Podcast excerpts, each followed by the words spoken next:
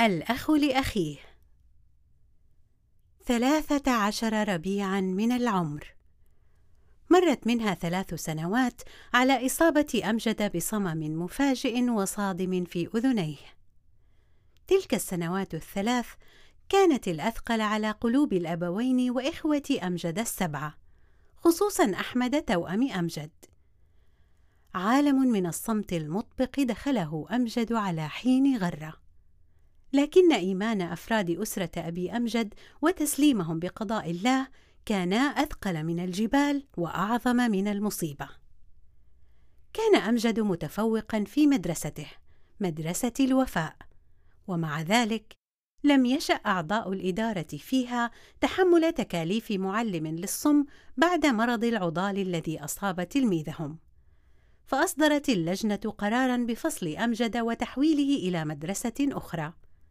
كانت المحنة كبيرة خصوصا أن أمجد سيبتعد عن إخوته الذين يدرسون معه في نفس المدرسة. لكن تعاضد أفراد أسرته كان رائعا إذ التحقوا جميعهم بدورات لتعلم لغة الإشارة لمؤازرته ومواكبته في مدرسته الجديدة. كتب أحمد لأمجد ستكون الأروع في الصف وستتفوق على الجميع فرد أمجد بقلمه سأبذل ما في وسعي ولن أستسلم. من بين كل لغات العالم كانت لغة الحب والمساندة هي السائده بين الإخوة. أحمد تحديدا بذل قصارى جهده في الموازنة بين دروس لغة الصم ودروسه المعتادة في مدرسته. شعر أنه ورغم محنة أخيه أمجد لا يزال قادرا على إيصال صوته إلى العالم. صوته الذي افتقده الصف السابع في مدرسة الوفاء. في أحد الأيام أقامت مدرسة أحمد مسابقة أدبية عن أهم حدث في حياتك، فخطرت في بال أحمد فكرة، ثم دخل على أمجد وعبر له بلغة الإشارة: هل تحب التحديات أيها البطل؟ فعبر بسرور عن قبوله التحدي. كن ملهما إذا للطلاب في المدرسة واكتب مقالا لألقيه على مسامعهم عن تغلبك على الإعاقة أم أنك خسرت مهارتك في الكتابة أيها الأديب؟ الجميع يعرف مهارة أمجد في الكتابة الأدبية التي أضيفت إليها السرعة مؤخرا لكثرة الاستخدام. بحماس كبير كتب أمجد عن تجربة مرضه الذي انتهى بحادثة الصمم منذ سنوات ثلاث خلت.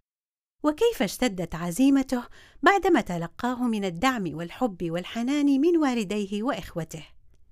كتب بقلبه لا بقلمه. كتب عن حلمه بأن يصبح كاتبا مشهورا وحلق في الإبداع كعصفور يكسر القفص ويطير مغردا لحنه الفريد. وفي اليوم التالي وبعد أن تقدم عدد من المتسابقين بأعمالهم جاء دور أحمد. كان إلقاؤه لكلمات أخيه أمجد المكتوبة مؤثرا جدا حتى أن الجميع صفقوا له بحرارة. وفجأة اخترق صوت التصفيق صوت المدير مستخدما مكبر الصوت. موضوعك جميل جدا يا أحمد لكنك للأسف خالفت العنصر الأهم الذي يقتضي الكتابة عن أهم حدث في حياة المتسابق لا في حياة أحد أفراد أسرته. لماذا كتبت عن أخيك أمجد ولم تكتب عن نفسك؟ كانت تلك اللحظة هي التي انتظرها أحمد فقال باعتزاز ذلك لم يكن صوتي يا أستاذ. أنا صوت أمجد الذي يخاطب قلوبكم بكلماته ويعتب على تقصيركم في تقديم الدعم له.